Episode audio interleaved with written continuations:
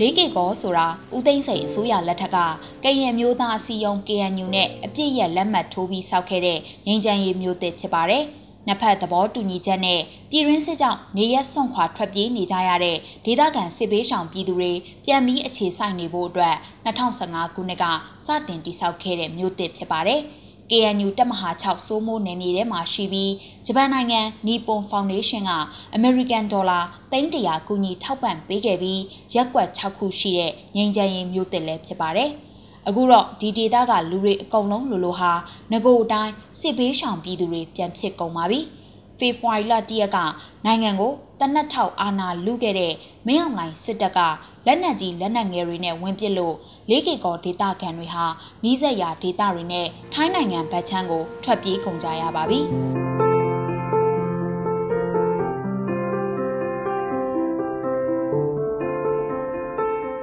မင်းအောင်လှိုင်ခေါင်းဆောင်တဲ့စေအုပ်စုကဖေဖော်ဝါရီလတည့်ရက်နိုင်ငံအာဏာသိမ်းပြီးချိန်မှာတော့နိုင်ငံလုံးကျွတ်ဖိနှိပ်မှုတွေဖမ်းဆီးမှုတွေကိုဒီကနေ့အချိန်ထိဇက်တိုက်လှုပ်ဆောင်ခဲ့ပါတယ်။နိုင်ငံအနှံ့ကလမ်းမော်တက်ဆန္ဒပြသူတွေကိုရိုက်နှက်ပစ်ခတ်ဖမ်းဆီးတပ်ဖြတ်ခဲ့ပါတယ်။ အဲ့ဒီနီတူအာနာနိုင်ငံရေးနယ်ပယ်တွေကသူတွေကိုလည်းအတင်းအဓမ္မဖမ်းဆီးထောင်ချတဲ့အပြင်မိသားစုဝင်တွေကိုပါဖမ်းဆီးရိုက်နှက်တာတွေလှုပ်ဆောင်လာခဲ့ပါတယ်။အဲ့ဒီအတွက်ကြောင့်ဆန္ဒပြပြည်သူတွေကနိုင်ငံရေးသမားတွေပါဘေးလွတ်ရာရှောင်ကြရင်းကလေးကီကောဆိုတာຫນွေဦးတော်လန်ရေးကာလအတွင်းလူသိများလာခဲ့ပါတယ်။တနည်းပြောရရင်လေးကေကောဟာနိုင်ငံရေးအရာရှောင်တိန်သူတွေများလာရင်ကတော်လှန်ရေးဆိုင်ရာလွတ်မြောက်နယ်မြေတစ်ခုဖြစ်လာခဲ့ပါတယ်။ KNU စောင့်ရှောက်ခံနယ်မြေဖြစ်တာကတကြောင်နေဆက်ဒေတာဖြစ်တာကတကြောင်မို့လေးကေကောဟာစစ်အာဏာရှင်စန့်ကျင်ရေးလှုပ်ရှားသူတွေရဲ့ခရီးတစ်ထောင်နားခိုရာတချို့သောတော်လှန်ရေးအင်အားစုတွေရဲ့အထိုင်ချရာနေရာလည်းဖြစ်လာပါတယ်။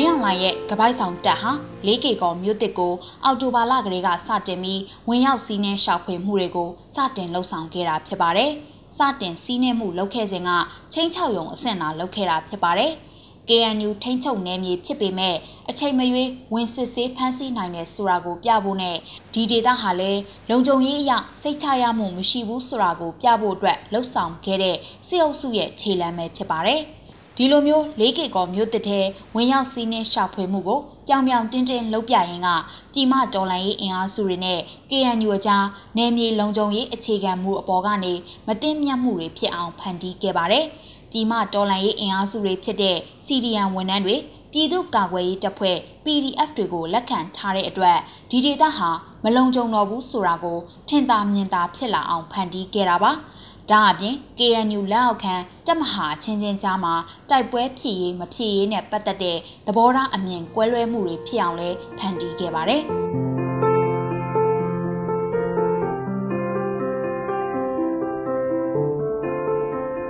စစ်အုပ်စုဟာဒီဇင်ဘာလလယ်ပိုင်းမှာတော့လေးကီကောမြို့တစ်ထဲဝင်ရောက်စီးနင်းခဲ့ပါတယ်။ မြို့တစ်ထဲထွက်ပြေးတိမ်းရှောင်နေတဲ့အမျိုးသားဒီမိုကရေစီအဖွဲ့ချုပ် NLD ပါတီကလွှတ်တော်ကိုယ်စားလှယ်နဲ့ပြည်သူတချို့ကိုဖမ်းဆီးသွားခဲ့ပါတယ်။ဒါအပြင်လေးကေကောမြို့တစ်ထဲကိုလက်နက်ကြီးတွေနဲ့ပါပစ်ခတ်ခဲ့တဲ့အတွက် KNU တပ်မဟာ6နဲ့ PDF စုပေါင်းတပ်ဖွဲ့တွေနဲ့စစ်အုပ်စုအဖွဲ့ကြားတိုက်ပွဲတွေဖြစ်ပွားခဲ့ပြီးငိမ့်ချမ်းတဲ့လေးကေကောမြို့ဟာမိโกတလူလူနဲ့စစ်မီးတောက်တွေပြန်ထလာခဲ့ပါတယ်။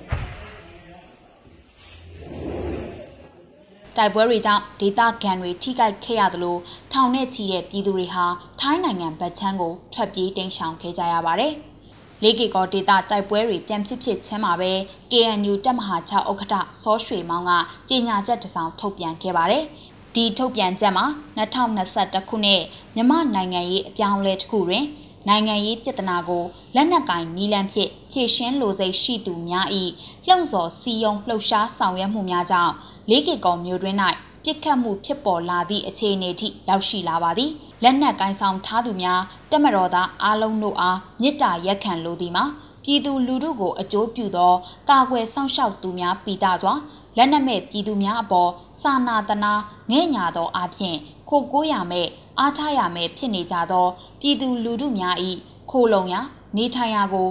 စစ်တလင်းမဖြစ်အောင်ဆောင်ရွက်ပေးစေလိုသည်လို့မြစ်တာရက်ခံထားပါတယ်။ဒါပေမဲ့ဒီမြစ်တာရက်ခံချက်ဟာမထိရောက်ခဲ့သလိုတိုက်ပွဲတွေကဆက်ဖြစ်နေသေးဖြစ်ပါတယ်။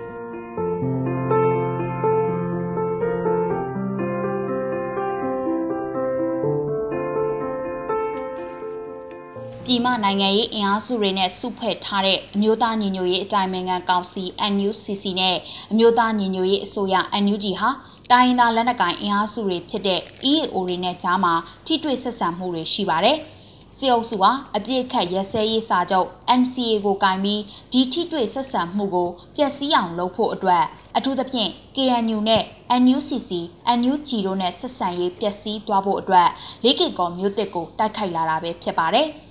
အရင်ကလည်းကယန်းပြည်သက်ပါတီနဲ့ PDF တွေအကြားဆက်ဆံရေးကိုထိခိုက်စေဖို့အတွက်ကရားပြည်နယ်တခွင်လုံးလိုလိုမှာစစ်မျက်နှာဖွင့်ခဲ့တာဖြစ်ပါတယ်။ဒါအပြင်ချင်းပြည်နယ်မှာလည်းဒီအတိုင်းပဲလှုပ်ဆောင်ခဲ့တာဖြစ်ပါတယ်။စစ်အုပ်စုဟာ NUCC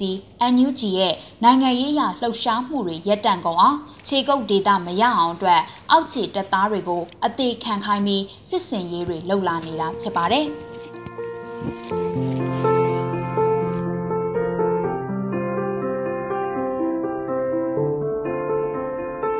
မင်းအောင်လှိုင်ခေါင်းဆောင်တဲ့အာဏာသိမ်းစစ်တပ်ကိုမောင်းနေနေတဲ့စစ်အာဏာရန်ရာကြီးအပီးတိုင်ခြုံငင်းရေးအတွက်ຫນွေဦးတော်လှန်ရေးဆိုတာဖြစ်တည်လာတာဖြစ်ပါတယ်။ဒီຫນွေဦးတော်လှန်ရေးဟာငိမ့်ချမ်းတဲ့ဆန္ဒပြတော်လှန်မှုတွေရှိသလိုတစ်ဖက်မှာလည်းကိုဒေတာလုံခြုံရေးအတွက်လက်နက်ကင်ခုခံတော်လှန်မှုတွေလည်းရှိပါတယ်။ဒီကနေ့လေးကေကောင်မှာဖြစ်နေတဲ့တိုက်ပွဲတွေဟာ KNU နဲ့ PDF တွေဟာကိုဒေတာလုံခြုံရေးအတွက်လက်နက်ကင်ခုခံနေကြတာပဲဖြစ်ပါတယ်။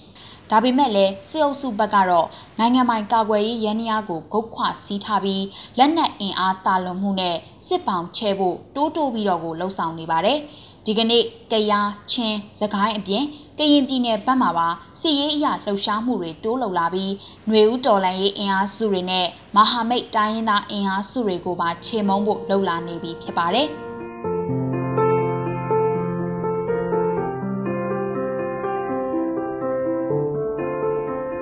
စစ်အုပ်စုဟာ 4K ကော်မြို့တစ်ကိုစစ်ကြောင်းထိုးချေမှုန်းလိုက်ရင်ဒီဒေသမှာအမိပြုတ်နေတဲ့ပြည်ပတော်လှန်ရေးအင်အားစုတွေကိုရှင်းထုတ်နိုင်မယ်။ဒါအပြင် NUCC, NUG နဲ့ KNU အကြားထိတွေ့ဆက်ဆံမှုကိုဖိအားပေးဖျက်တောက်နိုင်မယ်လို့ယုံကြည်ပြီးထိုးစစ်ဆင်နေတာပဲဖြစ်ပါတယ်။တစ်ဖက်ကလည်း KNU တပ်မဟာ6ရဲ့ 4K ကောကိုစစ်တလင်းဖြစ်အောင်မလုပ်ကြပါနဲ့ဆိုတဲ့ထုတ်ပြန်ချက်ကလည်းဒီယုံကြည်ချက်ကိုပို့ပြီးတော့အားကောင်းစေခဲ့ပါတယ်။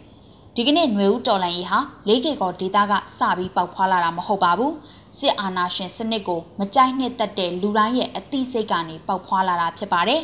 စစ်အုပ်စုကိုစန့်ကျင်နေကြတဲ့သူတွေဟာပြည်မနိုင်ငံရေးအင်အားစုတွေကြီးမဟုတ်ပါဘူးတိုင်းရင်းသားညီကိုမောင်နှမတွေဟာလည်းခရက်ဆက်ဆက်သူတို့လူမျိုးတွေအပေါ်မတရားဖိနှိပ်ဆက်ဆံခဲ့တဲ့စစ်အုပ်စုကိုစန့်ကျင်နေကြတာဖြစ်ပါတယ်။ຫນွေဦးတော်လိုင်းကြီးဟာဒေသစစ်ပွဲမဟုတ်ပါဘူးနိုင်ငံလုံးချီတော်လန်တဲ့ တော်လန်ရေးပဲဖြစ်ပါတယ်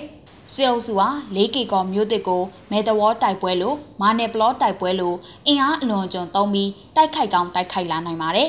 နောက်ဆုံး 4K ကော်မျိုးတစ်ကိုစေအုပ်စုကထိန်းချုပ်နိုင်ပြီးဒေသခံတွေလည်းရှေးရင်ကအတိုင်းဒုက္ခသည်တွေအဖြစ်ထပ်ပြီးဒုက္ခဒုက္ခရောက်ကောင်းရောက်ပါအောင်မယ် ဒါပေမဲ့စစ်အုပ်စုရဲ့ရုံမာရိုင်းဆိုင်မှုကိုမုံတီးတဲ့စစ်အုပ်စုကိုစန့်ကျင်ခြင်းနဲ့ပြည်သူတွေရဲ့တိုင်းရင်းသားအင်အားစုတွေရဲ့တော်လှန်လိုစိတ်ကိုတော့ပျောက်သွားအောင်ပြတ်သွားအောင်လုပ်နိုင်မှာမဟုတ်ပါဘူး။ဘာကြောင့်လဲဆိုရင်တိုင်းရင်းသားပြည်သူတရက်လုံးလိုချင်တဲ့နိုင်ငံအနာဂတ်ကိုရအောင်သွားဖို့လမ်းမှာမင်းအောင်လှိုင်ခေါင်းဆောင်တဲ့စစ်အုပ်စုကကန့်လန့်ခံနေသူရဲ့တော်လှန်မှုတွေဟာဆက်ရှိနေအောင်မှာဖြစ်တာကြောင့်ပဲဖြစ်ပါတယ်။